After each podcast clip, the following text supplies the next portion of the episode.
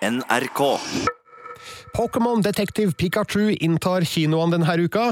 Du skal få dommen over den japanske Nintendo-favorittens nye film, og så skal vi se nærmere på noen andre spillfigurer og univers som har prøvd lykken i Hollywood. Ja, Og så er det jo ikke til å komme unna da, at veldig mange har strømmetjenesten HBO Nordic om dagen på grunn av eh, Game of Thrones. Ja, men det er jo ikke bare Game of Thrones som går der, og i spalten Siden du nå har HBO Nordic, eh, så skal du få flere tips til ferske kvalitetsserier som ligger der. Eh, Stikkord er leiemordere, vampyrer og KGB.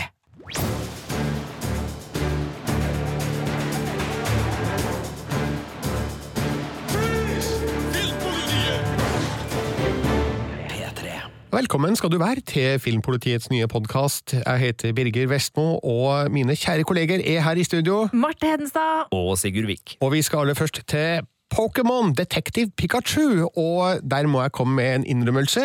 Jeg har aldri spilt Pokémon, jeg har aldri samla kortene, jeg har aldri sett tegneseriene eller tegnefilmene, så eh, det er jo naturlig at det, det er jeg som anmelder filmen.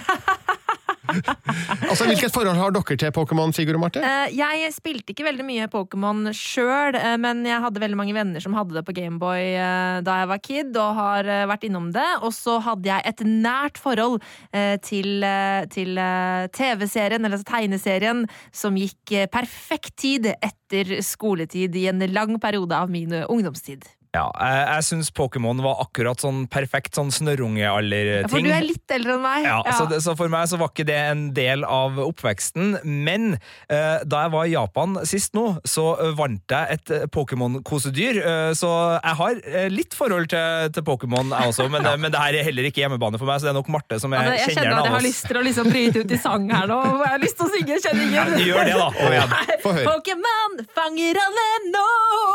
Oi, oi, oi! For det er jo det jeg må! Pokémon, du Jeg, altså, jeg, for, jeg forbinder Pokémon først og fremst med mas, fordi jeg har to sønner, hvorav i hvert fall den yngste av dem har vært veldig opptatt av Pokémon, og Ja. det mases på Pokémon-kort, Pokémon-kort, Pokémon-kort, og spill og, og sånn, og nå har det begynt å gi seg da, men det er liksom mitt forhold til Pokémon. Så derfor så var jeg spent på hvordan filmen var Pokémon Detective Pikachu. Did you just talk? Whoa. Did you just understand me? Oh my god, you can understand me! Stop! I've been so lonely! They try to talk to me all the time. All they hear is Pika Pika. Uh, you can hear him, right? Pika Pika! Yeah, Pika Pika Pika. He's adorable. You're adorable. They can't understand me, kid. Can no one else hear him? Pika, pika! Ja, det er søtt og sjarmerende. Og veit dere hva? Jeg syns at Pokémon Detective Pikachu har blitt en overraskende god film. Morsom, underholdende, søt, sjarmerende og, og litt spennende. Så gøy! Altså, Sigurd og jeg kvoterte jo inn denne filmen her på lista over filmer vi gleda oss til i år. Ja, og jeg må innrømme at eh, det ble jeg litt sånn arg på, fordi på det tidspunktet hadde jeg ikke noe som helst forventninger til Pokémon Detective Pikachu, og mente at det var nesten uansvarlig å ha den på topp ti-lista over filmer dere gleder dere til. Jo, men det var jo, altså Jeg har jo ikke noe forhold til Pokémon, men jeg har jo et forhold til Ryan Reynolds. altså Sist sett i Deadpool-filmene. Han er jo snørgørartig. eh, Så det var jo derfor jeg bare regna med at hvis han kan gjøre det med Deadpool, så kan vel jaggu gjøre det med en eh, Pokémon-detektiv også? Og han gjør det. Altså, det er derfor han har fått jobben, selvfølgelig. Eh, Han gir stemmen til den lille gule mm, pelsdotten Pikachu, som er veldig søt og sjarmerende, og da skaper det jo morsomme kontraster at eh, Pikachu har en stemme som kommer med rå, ironisk vitsing mellom slaga. Og det er ikke like rått som Deadpool, og humoren er ikke like skrå, går det an å si? Ja. Eller grov, da. Men eh, det er ikke fritt for at du uansett tenker Deadpool når du hører Ryan Reynolds som Pikachu, og eh, ja, det er nesten så at han prøver ikke engang å lage en annen stemme, hvis dere forstår. Jeg tror, de har sagt kan ikke du gi Pikachu Deadpool-stemmen din, da? sant? For Ja. det er humoren, at den søte lille Pokémonen har en sånn stemme. Det er jo kjempemorsomt! Men har Ryan Reynolds en annen stemme? Altså, jeg har sett den i alt fra Pizzagjengen via Van Wilder, altså Van the Man, high school-komedie og alt mulig ræl. Altså, han har gjort mye, men han har jo alltid den der sånn småsleske, artige stemmen. han ikke?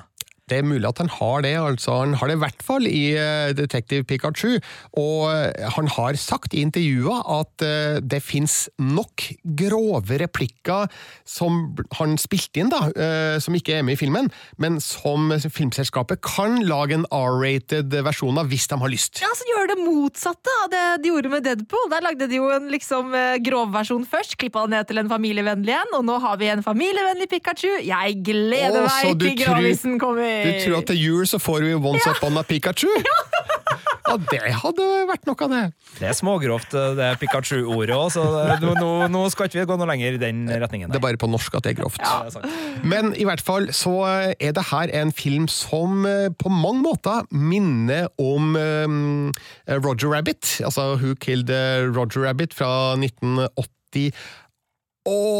Er det ikke det? Ja, i Nei. hvert fall så er det jo et univers her der eh, animerte fantasifigurer eksisterer side om side med mennesker i fred og harmoni, men når filmen starter så er det selvfølgelig mm, i ferd med å gå rett vest med den freden og den eh, harmonien. Eh, vi møter da en eh, ung mann, Tim, spilt av Justice eh, Smith, eh, som da eh, kommer til byen Rhyme City, der mennesker og Pokémons eh, bor sammen. Eh, han kommer dit for å rydde opp eh, leiligheten etter sin nylig avdøde far, og så finner han da farens Pokémon-partner, som da selvfølgelig er Pikachu. Og de oppdager sammen at det er noe mystisk med farens død, fordi altså, liket er ikke blitt funnet og alt sånn, og mm, de eh, legger ut på en eventyrlig reise for å finne svar. Fordi at han har fått et kall. Uh, ja, nei, altså Hvor kom den fra? Den kom, den kom fra sangen. Akkurat, okay. Og Legg ut på eventyr. Jeg kan jo ikke den sangen, så jeg forstår jo ikke hva du mener. Å fange noen rare dyr som bor inni en faen, det er så bra. Men det er spennende å bli med på turen gjennom Rhyme City, fordi det er en sånn interessant kombinasjon av eh, London, jeg tror veldig mye er skutt i London, men også med elementer fra Tokyo, og så er det mye Blade Runner der, altså sånn som du ser i um, Los, Los Angeles anno 2019 og eh, 2049, så eh, har de kombinert ting fra de her tre byene, noen virkelige og noen fantasibyer, til en, eh, en spennende lekebinge da for handlinga i, i filmen. Og så er det et tonn av referanser da til Pokémon-universet, som går meg over hodet, fordi jeg har ikke spilt uh, Pokémon, men jeg bare ser at her er det sikkert en referanse, og her er det sikkert en referanse, og det er masse figurer som til og med jeg kan navnet på, da, som Charizard og Psyduck osv., som er med da på ulike tidspunkt i filmen. Så hvis man spilte mye Pokémon da man var liten, så er det her en skikkelig nostalgitripp. Har man ikke gjort det, så er det likevel en morsom, eh, underholdende historie da, med komikken til Ryan Reynolds da, som en, eh, en eh, grunnpilar i historien. Og så liker jeg Justice Smith veldig godt. Jeg måtte nesten søke opp hvem han er, og fant ut at han har jo spilt i Jurassic World Fallen Kingdom, har han spilt i filmen Everyday og i serien The Get Down. Eh, også i uh, Me and Earl and the Dying Girl, var ikke den innom der? Kan det stemme? Det har jeg ikke svaret på akkurat nå. Nei, nå er du rasist. Ok, okay. det er greit. Ja. Men eh, han spilte i The Get Down, det husker jeg veldig godt. Da Ja. var han en skikkelig kul eh, og, og stilig eh, figur, og bra skuespiller, syns jeg. Ja. Ja, en veldig sympatisk eh, fyr som eh, her greier å spille seriøst, samtidig som han omgir seg med humor. Eh, for det er jo en rød tråd gjennom historien. Eh, denne farsfiguren som han eh, er på leiting etter eh, hva har egentlig skjedd med, eh, som har vært fraværende i barndommen hans, og han har et litt anstrengt forhold til til faren, som aldri har vært der, og det er også litt av grunnen til at han egentlig har lagt ifra seg Pokémon-interessen som han hadde da han var liten. Å ja. Så filmen handler også litt om hans gjenoppdagelse av uh, Pokémon, og hva det en gang betydde for han. Uh, og så er det jo godt gjort da, å spille mot en eh, animert figur som ikke er der. altså, jeg vet ikke hva de har brukt i stedet for eh, Pikachu, om de har brukt en, en Pikachu-dukke, eller om den Må jo grønn, det. eller bare sånn, sånn som uh, i Game of Thrones, uh, når Daenerys liksom klapper dragen og sånn, så er det bare en sånn grønn ball. Eller kanskje Ryan Reynolds uh, satt der i greensuit på gulvet og ja, ja, kanskje det. sa pika pika. Eh, det er mm, mye morsomt i eh, Pokémon Detektiv Pikachu som eh, gjør at jeg ble positivt overraska. Hadde egentlig ikke forventa all verden, stilt med lave forventninger, og den ble innfridd. and then some. Så jeg satt og smilt og kost meg og lo med og tenkte at ja, men det her fungerer jo overraskende greit på film.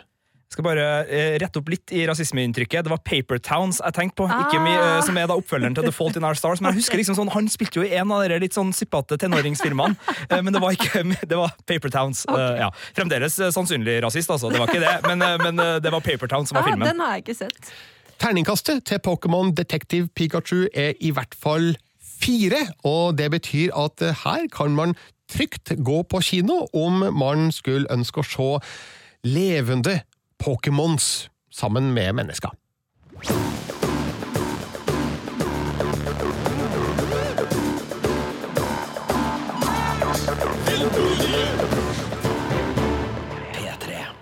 Og dermed har jeg altså gitt en eh, klar anbefaling til en film basert på et spill, og det har jeg ikke alltid gjort, for det er jo en kjensgjerning at filmer basert på spill har eh, hatt eh, noe vekslende kvalitet opp gjennom eh, åra. Det er vel dere også enig i, Marte og Sigurd? Altså, det har vært så mye ræl, og det har nesten vært en sånn derre sannhet at, at filmer basert på spill er ræva, og så har det liksom vært noen få unntak inniblant det dårlige grumset. Men, men ja, altså, spillfilmer har hatt et dårlig rykte, for å si det forsiktig. Ja, og øh, Hvis man øh, presiserer her da, og sier at vi snakker ikke om tegnefilmer, og sånn, vi snakker om Ja. øh, internasjonalt lanserte live action spillefilmer der det er konsollspill som er, er basisen. Vi får være såpass uh, presis.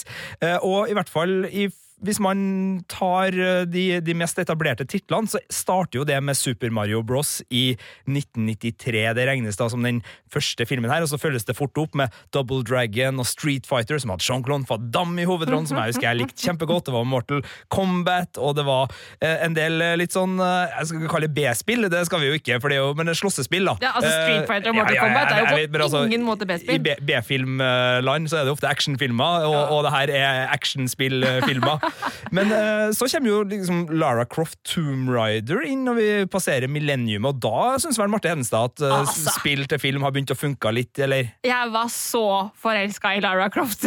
For å si det sånn. Altså, Angelina Jolie var bare den tøffeste dama ever, og jeg syns det var så gøy med den filmen. Og da skal jeg fortelle at jeg har vært i det tempelet som Angelina Jolie er i på starten av den filmen i, i Kambodsja. Så det like kult ut in real life som på film? Eh, Det, det, det, det så veldig kult ut at trærne har på en måte vokst gjennom og overtatt en ruin, men det så ikke like kult ut med de tusenvisen, tusenvisen av eh, eh, gamle damer som skulle ta bilder, eh, og som var sure for at man sto i veien, eh, fordi det var jo en eh, enorm turistattraksjon, selvfølgelig. En eh, sjuk liten detalj her er at jeg aldri har sett noen av de to eh, Lara Croft-filmene til Angelina Jolie. Eh, Grunnen er vel at de hadde premiere midt på sommeren, både i 2001 og 2003, og da, ja, da, da ser ikke jeg film. Nei, da var du på ferie, Jeg eller var noe på sånt? ferie. Ja. Men det her er jo eh, så å si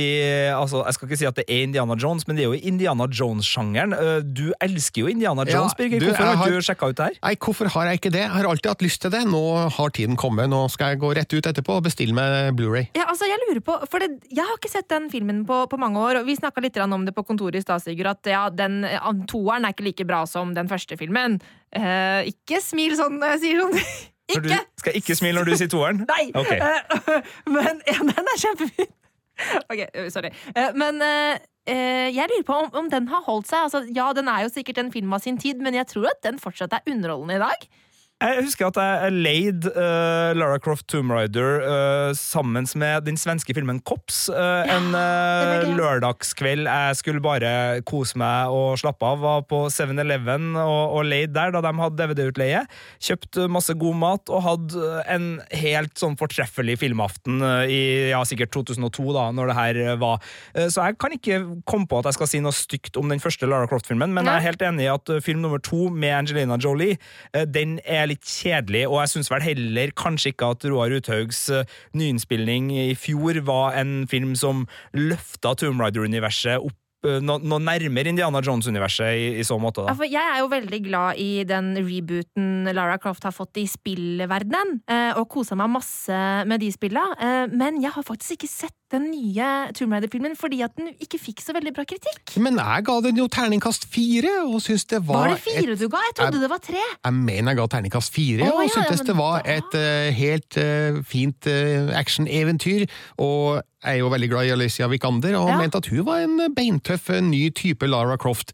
Så jeg syns du absolutt bør gi den en sjanse. Altså, den, Ja, er litt, jeg den er litt formulaisk, eh, altså oppskriftsmessig, det kan du si, og den eh, lener seg jo mye på ja, spillutfordringer eh, som overføres direkte til, til film. Eh, og det er det vel ikke alle som syns er en like god løsning bestandig, men jeg mener at eh, den eh, Tomb Raideren til Uthaug var helt streit og grei. Ok, men Da skal jeg ta og sjekke ut den i helga. Men jeg har kanskje ikke sett eh, Angelina Jolies eh, Lara Croft-filmer, men utover 2000-tallet så begynte jeg å se en god del eh, spill til filmeksempler, for eksempel Resident Evil eh, 1, 2, 3, 4, og de syns jeg ikke var noe spesielt gode. Ga en del tre, treere der, og en av dem fikk til og med terningkast én, uten at jeg akkurat husker hvilken. Eh, Doom i 2005 fikk vel også terningkast tre, tror jeg. Den med The Rock. Og eh, selv om jeg likte jo den eh, first person shooter-scena i Doom, som minte meg veldig mye om mine egne opplevelser i akkurat Doom-universet.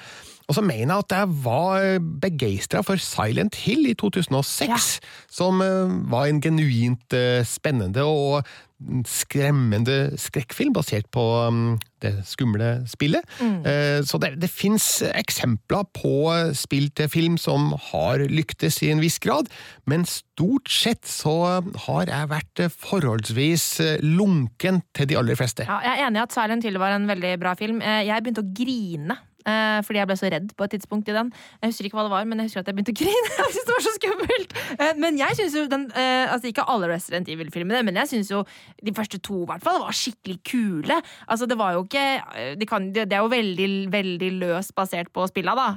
Og jeg vet at spillskaperne var, er veldig misfornøyd med de filmene og mener at det var en feiltagelse å, å gi bort eller selge lisensen til det der tyske selskapet som har laget filmene. Men, men jeg syns Mila Jojovic var drittøff, jeg. Så jeg husker jeg syns det var gøy, og de har jeg sett eh, mange ganger, faktisk. Eh, Men jeg har ikke sett de aller siste filmene da, i, i den rekka. Men det er jo sånn at hver gang uh, spill til filmuniverset, uh, og det er jo delvis media sin feil, for at det bestandig den her artikkelen sånn 'Når skal det bli bra?' Men Ja. hver gang det liksom har begynt å bli litt bedring, så klarer man jo å få noen sånne store mageplask òg. Hva syns dere har vært de, de liksom kanskje verste opplevelsene i, i ja, ta moderne tid, da, Å, på, på spill til film? Altså, det, det er jo en stund siden det òg, da, men den derre Street Fighter The Legend of Chun-Li, den var altså så kriseræva. Eh, og jeg gleda meg til den, fordi jeg, altså, Chun-Li har liksom vært en av mine favorittfigurer i Street Fighter-universet, selvfølgelig. Og jeg bare, det var mageplask uten like. Ja. Vanvittig dårlig skuespill, ræva manus, ræva historie, ræva alt. Jeg må si den Resident Evil-filmen jeg ga terningkast én, da jeg lurer Ja. på om det kan ha vært After, Afterlife i 2010, Ja, eh, som da var prega av blodfattig action, som alltid trekker kraftig ned i min bok, og frenetisk klipperytme som ga meg omtrent ga meg epilepsi i kinosalen. Og et annet godt tegn på at man ikke har greid å skape eh, actionscener som flyter godt. Jeg trodde jo kanskje du skulle trekke fram Assassin's Creed-filmen med Michael Fassbender i hovedrollen, for den fikk vel heller ikke veldig mange terner på Den- terningen. Den fikk eh, hele terningkast to. ja. ja, var så dårlig, ja. Ja. Nei, det var, det var søppelfilm, dessverre. Altså til tross for en del visuelle grep som eh, gjør seg i Cinemascope, så rota de bort uh, muligheten til å lage en feiende flott eventyrfilm av Assassin's Creed-universet. Men den som kom samme året, Warcraft, eh, basert på Warcraft-universet, den var jo ganske underholdende. Warcraft, det var en film jeg likte. Der eh, må jeg si at jeg har jo ikke spilt World of Warcraft, så hadde ikke det sammenligningsgrunnlaget der, men uh, syntes at uh, Duncan Jones, uh, David Bowies sønn Man må liksom alltid si det når man sier Duncan Jones. Ja. David Bowies sønn skapt et um, univers som står seg filmatisk, altså på egne bein, der du ikke må ha kjennskap til spilluniverset for å få fullt utbytte av uh, det du får presentert i filmen, så det var en av de bedre, syns jeg, fra, fra de siste ti årene i hvert fall. Ja, jeg kosa meg med den. Jeg er jo en gammel eh, World of Warcraft-spiller, eh, så jeg syns det var veldig gøy, eh, for at man får på en måte eh, se liksom law utspille seg. Eh, Problemet jeg hadde med den, var at jeg ville jo at det skulle være en animasjonsfilm, fordi eh, det som eh, Blizzard jo er best på i verden, er jo å lage cutscenes eh, som eh, bare tar pusten fra deg. Så jeg hadde egentlig lyst til at jeg bare skulle få en, eh, ja, en animasjonsfilm i stilen som Blizzard lager eh, for sine spill. Um, og jeg synes det er litt sånn jeg, jeg kjenner at jeg sliter med når CGI-figurer som er grønne, ikke sant, eh, eh, står side om side med flesk... Fleskskuespillere. Skuespillere som er lagd av flesh and blood. Så syns jeg det, det blir rart. Det ser litt rart ut. Eh, vi eh, må snakke litt om eh, hvorfor spill til film har et belasta rykte. Eh, hvorfor er det slik at vi går til en ny spillfilm med i utgangspunktet lave forventninger? Eh, Nei, det er jo delvis fordi at eh, det har eh, hatt en historikk der det har blitt pøst relativt ok med penger, og, og stjerneskuespillere, eller sånn mediokre stjerneskuespillere inn på å lage ganske blodfattig action i starten. Jeg tror det, det satt på en måte stemninga der, at man ikke kom seg helt ut av det. Og så er det jo folk som mener i ettertid at de filmene ikke er så ille, men altså, de fikk et uh, dårlig rykte i ei tid hvor ja, Du husker jo 90-tallet, Birger. Altså, det var ikke så lett å være B-film på 90-tallet, sånn som det er nå. Da var det litt strenge kriterier. Det skulle være gjerne litt mer feinschmeckeri før i hvert fall kritikerkorpset. Du var jo en pioner i, i så måte, som kanskje var med å brøyte ned litt fordommer mot eh, actionfilmen. Og jeg tror nok ryktet den fikk eh, sånn eh, score-messig da, hos kritikere, var med å, å la et veldig sånn mediokert utgangspunkt for, for spill til film. Ja, jeg tror ikke Paul Bang-Hansen var så gira på Mortal Kombat og Street Fighter og Wing Commander og de der. Det her var jo en tid hvor Jurassic Park fikk hvilket terningkast i VG? Én. Ja, Ja. ikke sant? Det sier jo sitt. Det var jo en helt fantastisk film. Det er en helt fantastisk film en dag i dag. Men jeg tror nok òg at det kan ha en sammenheng med at det ofte blir brukt virkemidler som man kjenner igjen fra spill. At man faller litt for fristelsen å kjøre litt sånn eh, førstepersonsperspektiv eh, og eh, en del sånne ja, altså virkemidler som, som ser ut som i et spill, som jeg tror kanskje kan på en måte frastøtte seg enn de som ikke spiller så veldig mye, da. Ja, Det tror jeg òg, at eh, mange av de her spill til filmprosjektene eh, prøver å overføre veldig mange av situasjonene spillere kan kjenne igjen fra råmaterialet, altså fra spillene, og kanskje binde seg litt til det, da, i stedet for å få fortalt en helhetlig historie.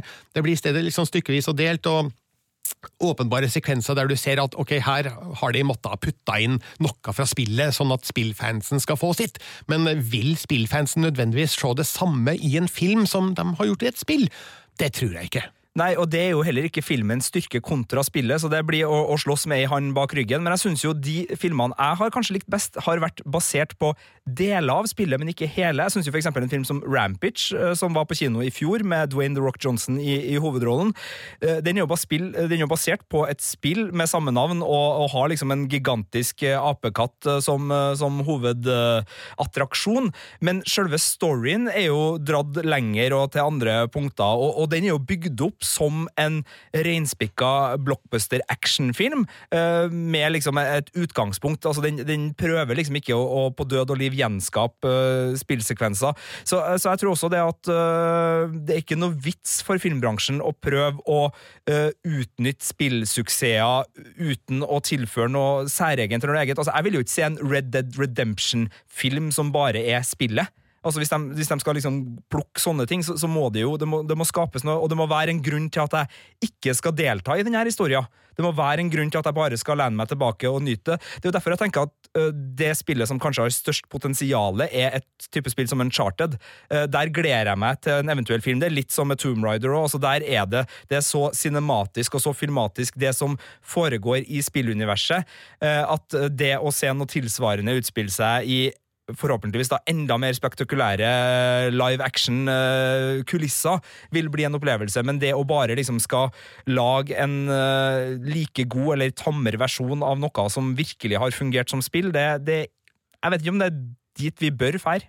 Du minner meg på noe her, at da Guardians of the Galaxy kom, og Peter Quill ble allemannseie, og Chris Pratt ble stjerne, så kom det jo sånn photoshoppa bilde av Chris Pratt uh, som Uncharted-helten. Jeg har glemt navnet på nå. Nathan Drake. Nathan Drake, ja. Nathan Drake. Og, og vi tenkte jo ja, men han er jo perfekt! Der er jo Nathan Drake! Hvorfor har ikke Uncharted skjedd på film for lengst? Åh, altså, det lurer jeg også så innmari på, og eh, vi vet jo altså eh, Nathan Fillion han er klar, for å si det sånn. Han har jo laga en, en, en fanfilm eh, hvor han spiller Nathan Drake. Den ligger ute på YouTube. Bare google Nathan, altså Uncharted og, og Nathan Fillion, så finner du det. Ganske kult. Eh, men nei, altså, det blir jo utsatt og utsatt. Men eh, jeg vet at filmversjonen skal jo være Skal jo handle om en yngre Nathan Drake. Eh, og er det ikke han Spiderman-kiden Tom Holland. ja, som har blitt ansatt i stillingen. Og jeg kjenner jo at jeg syns jo det er Jeg vil jo bare ha Nathan Fillion, men uh, ja da, Tom Holland, du kan få lov å overraske meg. Nathan Fillion er kanskje 20 år for gammel? Ja, det er det. Han begynner å bli for gammel nå, vet du. Så det må bli en aldrende Nathan, da. Men husker dere da Nathan Fillion og Ryan Reynolds spilte sammen i den fantastiske Yes. TV-serien Pizzagjengen? Eller Oh, yes. Two Guys and a Girl in a Pizza Place? TV2. Hvor Blink 182 kom og spilte i pizzasjappa, og yeah! Eh, Så Pikachu, Uncharted Ikke sant? Referanser, folkens! Oi, oi, oi. Referanser! Jeg så tydeligvis litt for lite på uh, Pizza. Friends. Tirsdager. mm. 22.35 Og så gikk det etter Ja. skoletid en lang periode der også. Ja, nei, jeg ser ikke på reklamefinansiert eh, TV. Jeg har slutta med det for lengst. Bare NRK! Bare NRK og strømmetjenester. Ja. Eh, Men eh, nå må vi jo komme med våre ypperste mm, spill til filmtips. Altså våre personlige favoritter. Skal vi starte med deg, Marte? Ja, nei, altså, jeg hadde jo skrevet her at Resident Evil er verdt et gjensyn. Ja, men, men, eh, Det er om det. eh, Men, eh, ja, da, men da snakker jeg om de to første filmene. Altså. Eh, Den du, eh, det var jo mye seinere. Men så også, også Tomb Raider, da, som jeg allerede har snakka om, egentlig. Eh, Så de, jeg har dessverre flere eh, advarsler enn eh, anbefalinger, dessverre, altså. Ja, jeg kommer meg jo ikke høyere på enn eh, fire på terningen sjæl. altså, jeg syns jo både Prince of Persia, Sands of Time og eh, Street Fighter var helt ok pizzafilmer, men jeg tror da nevnte Rampage uh, med Dwayne The Rock Johnson fra i fjor får tommelen opp, for det er en helt grei videosøndagsfilm. Uh, uten at du skal liksom forvente at den eh, gjør så mye mer, så, så har den nok kvalitet og driv, og ikke minst rasering. Det er så mye deilig rasering og smadring, eh, så den får mitt tips, altså. Appetite for Distraction. Yeah! Nemlig. Eh, jeg har to favoritter skrevet ned her. Den første har vi allerede snakka litt om. da, Warcraft eh, The Beginning, som jeg ga terningkast eh, fire. En morsom fantasifilm som underholder effektivt, og jeg påpekte i anmeldelsen min at ja, det er jo ikke subtil filmkunst akkurat, da, men det er en hardtslående og effektfull fantasifilm som jeg likte veldig godt. Terningkast fire ga jeg òg til Need for Speed med Aaron Paul i hovedrollen, eh, i regi av Scott Waugh. Og eh, jeg har jo spilt veldig mye Need for Speed, det må jeg bare si, og eh, har veldig sans for raske biler. Og en film som heter Need for Speed, den må ha raske biler, og det har filmen heldigvis, inkludert masse spektakulær krasjing. Og så har den en ok historie som akkurat dyp, det vil si ikke så veldig, som gjør at eh, den kan binde sammen disse kjøresekvensene på en effektiv måte. Så terningkast fire også til Need for Speed. Så da er vi vel i havn med vår spill til filmprat i denne podkasten. Ja, og så må jeg bare understreke at vi har kun snakket om live action-filmer nå, for på animasjonsfronten så fins det ganske mye bedre spillfilmer.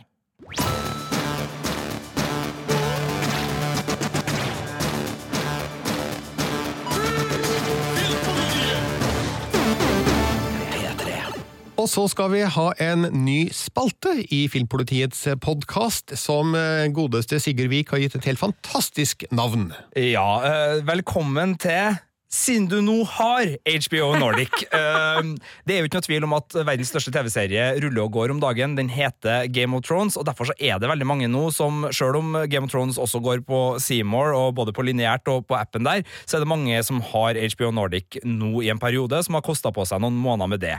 Uh, det er supert, det, og uh, da må vi jo bare si fra om at det er jo ikke bare Game of Thrones av ferske serier som ruller og går der, så vi skal nå komme med noen tips til andre ferske godbiter som ligger der, som det er verdt å få med seg enten mens man sitter og kjeder seg og venter på en ny episode av Game of Thrones, eller at man uh, har en smakspalett som er litt bredere enn bare uh, Draga fantasy og, og, svik og bedrag i, i Vesterås, da. Så uh, jeg lurer faktisk på om vi skal starte med den som hadde premiere den uka her, for det har nemlig kommet en ny terningkast fem-serie til HBO Nordic. den er historisk, den har Stellan Skarsgård i en av hovedrollene, og den heter Tsjernobyl.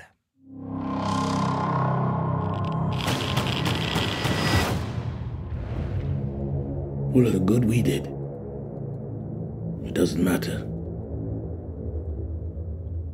What does matter is that to them, justice was done. See, a just world is a sane world. There was nothing sane about Chernobyl. Og med en tittel som Tsjernobyl, så er det vel ikke noe tvil om hvor vi skal hen, Sigurd?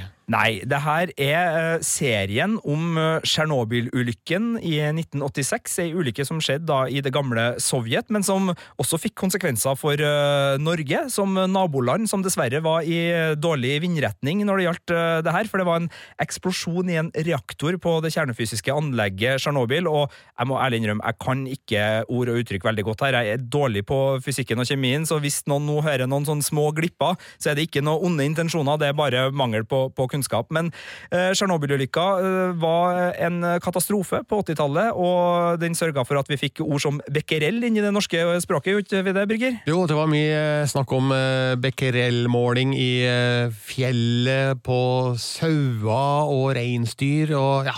Det var stor oppmerksomhet rundt det utover våren og sommeren 1986. Ja. Jeg husker at det var sånn at uh, seinere, da uh, Her er en myte, sikkert, men at man ikke måtte spise for mye joikakaker, for da, da, ble det for mye radioaktivitet. Og jeg husker at det ble skrevet at uh, denne strålinga kun uh, kom med regn, altså kunne spres med regnet. Og jeg husker jeg sykla ut i regnet i dagene etter Tsjernobyl og tenkte at dæven, nå er jeg fucked.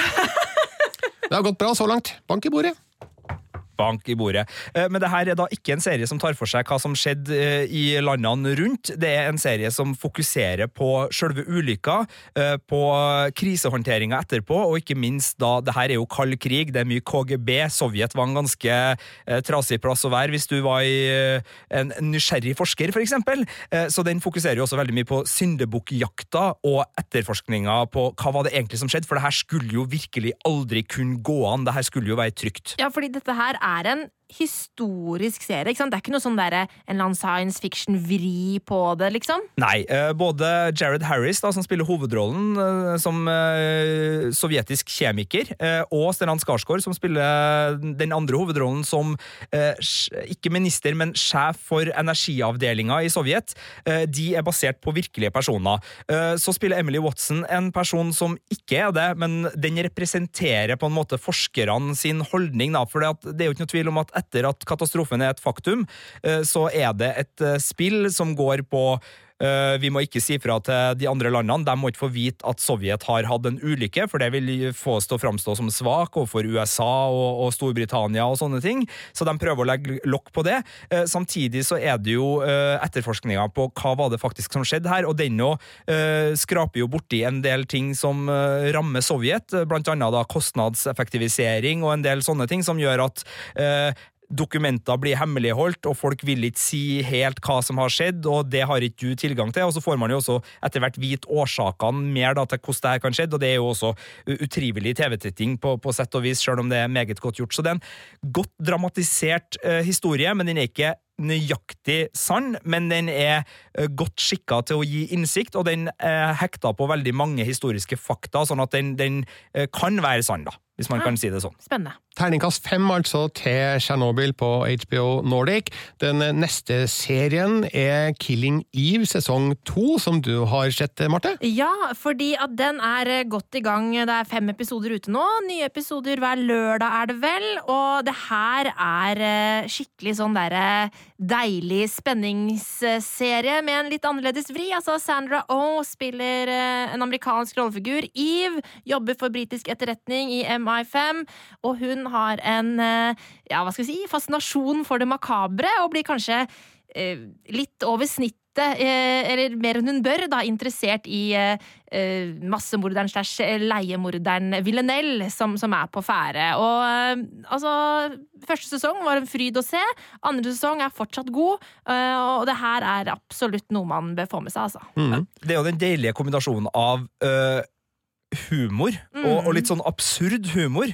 Uh, nesten litt sånn uh, altså Den rosa panteren, Inspektør Clauseau Altså det er noen situasjoner her som bare er liksom helt merkelig, men som funker. Ja. Uh, og så er det et et slags, oversettet, til et slags intenst kjærlighetsforhold ja. mellom de to hovedpersonene, som ikke er et faktisk kjærlighetsforhold, men som har liksom de kvalitetene som man kjenner igjen fra en, en forelskelse, nesten. Mm. Eh, og så er det jo et spionunivers som er fascinerende, blant annet med en Kim Bodnia, da, som spiller russisk eh, stortrådtrekker. Konstantin han er jo alltid god! Og, jeg vet hva, det Få det med deg. Knallserie, altså.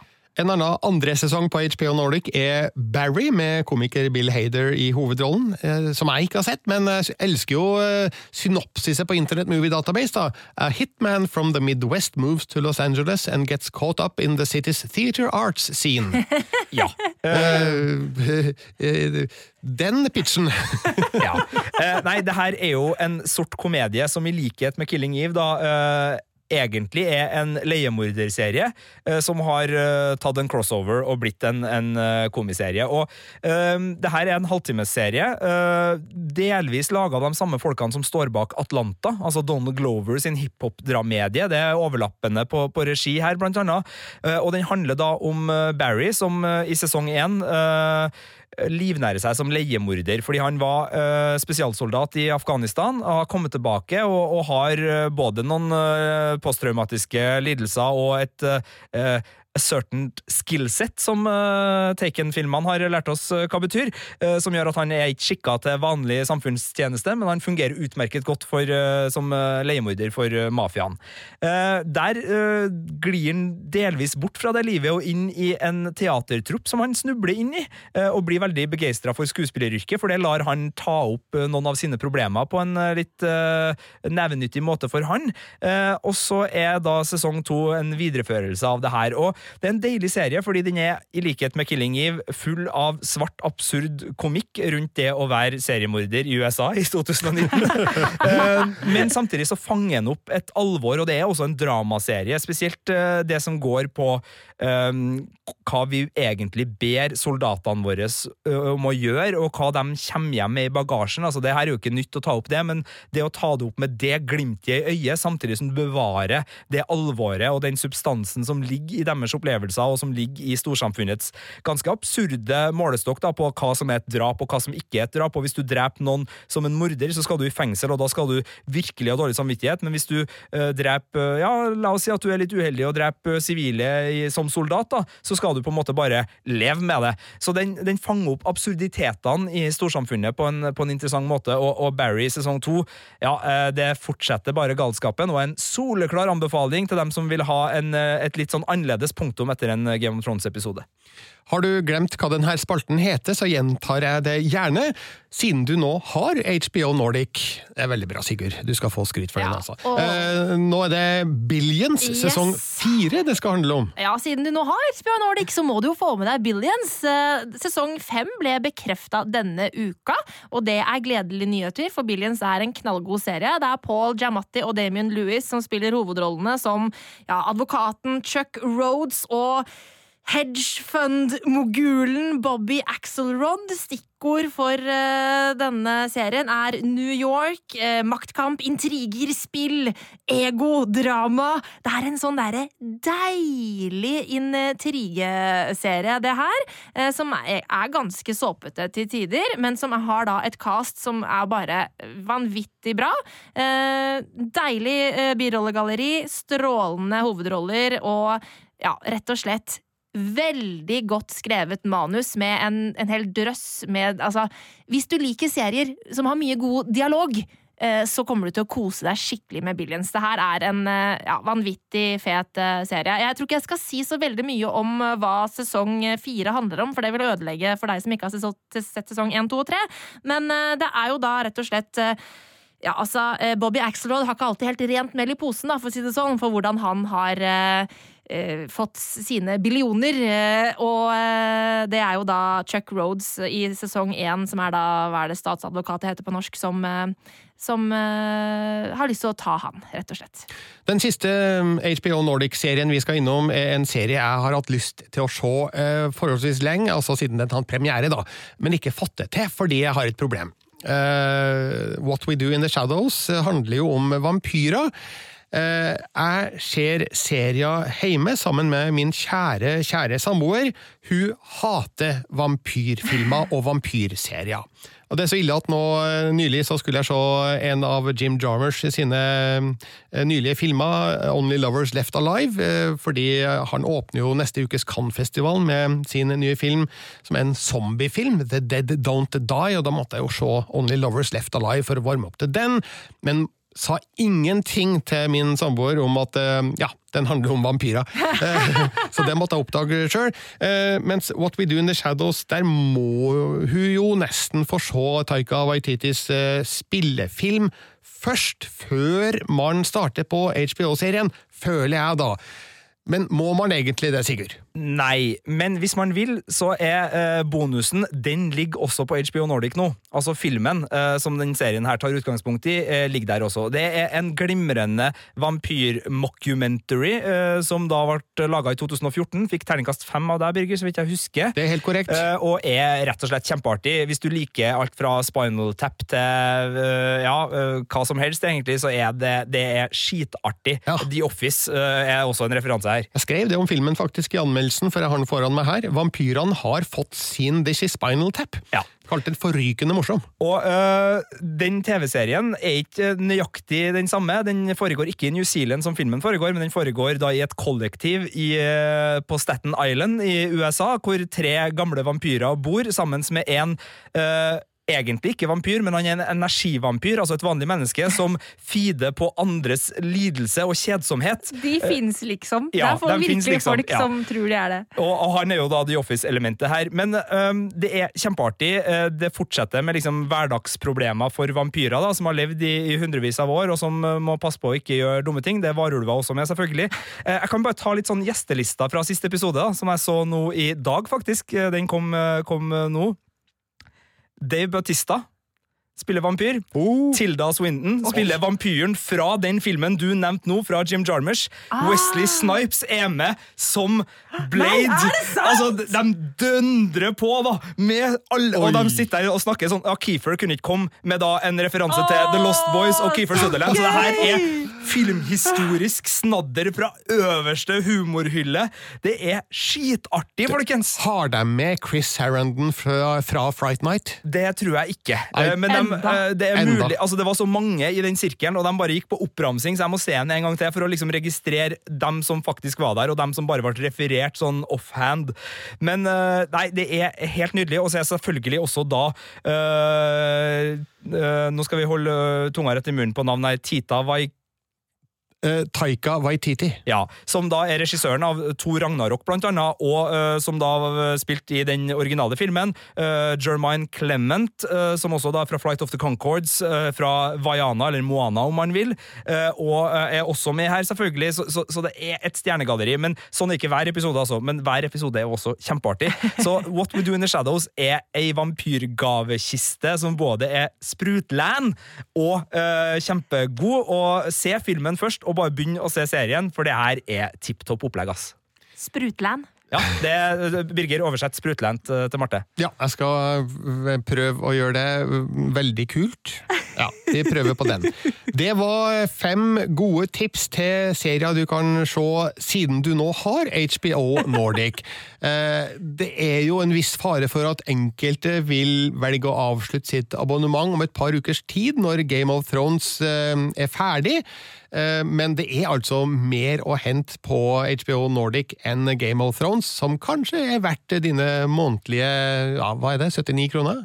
Jeg husker ikke. 99 kroner? 89? Ja, ta søren. Ja. Det er noe eh, penger. Det går rett ut av konto. Eh, Men siden vi nevnte Game of Thrones her, så bør vi jo nevne den andre podkasten som eh, dere, Sigurd og Marte, har. Å ja da, Game of Thrones-podkasten går sin gang. Vi, eh, altså Sigurd og meg, koser oss med å recappe episodene og diskutere fanteoriene osv. osv. Denne uka så har vi også en gjest, nemlig Maria Stavang, aka Pia Tid, som vi har invitert fordi hun er faktisk enda mer lettrørt eh, enn Sigrid Sigurd og meg. Og det er jo litt interessant med tanke på at Game of Thrones kan være eh, ganske brutal til tider. Og så kan vi også si at for dere som er veldig sånn glad i å nerde litt om spill og filmer, så har vi også en times prat med Kristoffer Hivju om hvordan det er å være med i Game of Thrones. Så litt bak kulissene-prat, og, og ikke minst hans opplevelser som Tormund Giantsbane i da eh, finalesesongen, sesong åtte av verdens største TV-serie. Eh, det ligger også hos Game of Thrones-podkasten. Og hvis du abonnerer på Filmpolitiets podkast, som jeg håper du gjør, så får du i neste uke oppdateringa fra filmfestivalen i Cannes, som starter på tirsdag, med visning av den nevnte The Dead Don't Die av Jim Jarmers. Andre høydepunkter i løpet av Cannes-festivalen er jo eh, Rocketman, filmen om Elton John. Det er en dokumentar om Diego Maradona som skal vises der, som heter Diego Maradona. Og så er det den store rosinen i pølsa, Once Upon a Time in Hollywood av Quentin Tarantino med Brad Pitt og Leonardo DiCaprio. Den skal få sin urpremiere under filmfestivalen i Cannes, nøyaktig 25 år etter at Pulp Fiction ga Tarantino et veritabelt gjennombrudd på nøyaktig samme sted. Er Pulp Fiction 25 år gammel? Pulp Fiction er 25 år gammel, Sigurd, og holder seg like godt. Jeg så den nå for eh, to måneder siden, og gud bedre så god film det er, og så godt den har holdt seg. Det er det ikke alle filmene fra 1994 som har gjort. Så der er det litt av det man har i vente på Filmpolitiets podkast. Vi er også på lufta på søndager. Ja, vi har ny sendetid, og vi sender fra tolv til tre på søndager. På NRK P3. Ja, på NRK P3. Da blir det masse deilige strømmetips og ting du kan eh, drive med i sofaen eh, når du koser deg. Får man ikke nok av Filmpolitiet, så kan man finne oss på sosiale medier, både på Twitter og på Instagram. Og hvis man lurer på noe som helst, hva gjør man da, Sigurd? Da kan man sende en e-post til filmpolitiet. Alfakrøll. nrk.no. Eller en telefaks. Lenge, lenge siden har vi jo fått telefaxa! Lekre, smekre Emma. Det var Eh, en- Du mener at vi skal trekke fram fra glemselen? Ja, eller man kan legge inn en uh, telefonsvarerbeskjed på Albin. Nei, nå er vi langt tilbake i P3s barndom her, altså. Ja. Eh, røyksignal, da. Nei da. Det er på tide å avslutte denne podkasten fra Filmpolitiet. Eh, jeg heter Birger Vestmo og har hatt den store ære og glede av å ha Marte Hedenstad. Og Sigurd Vik. i studio. Takk for følget. Vi høres igjen.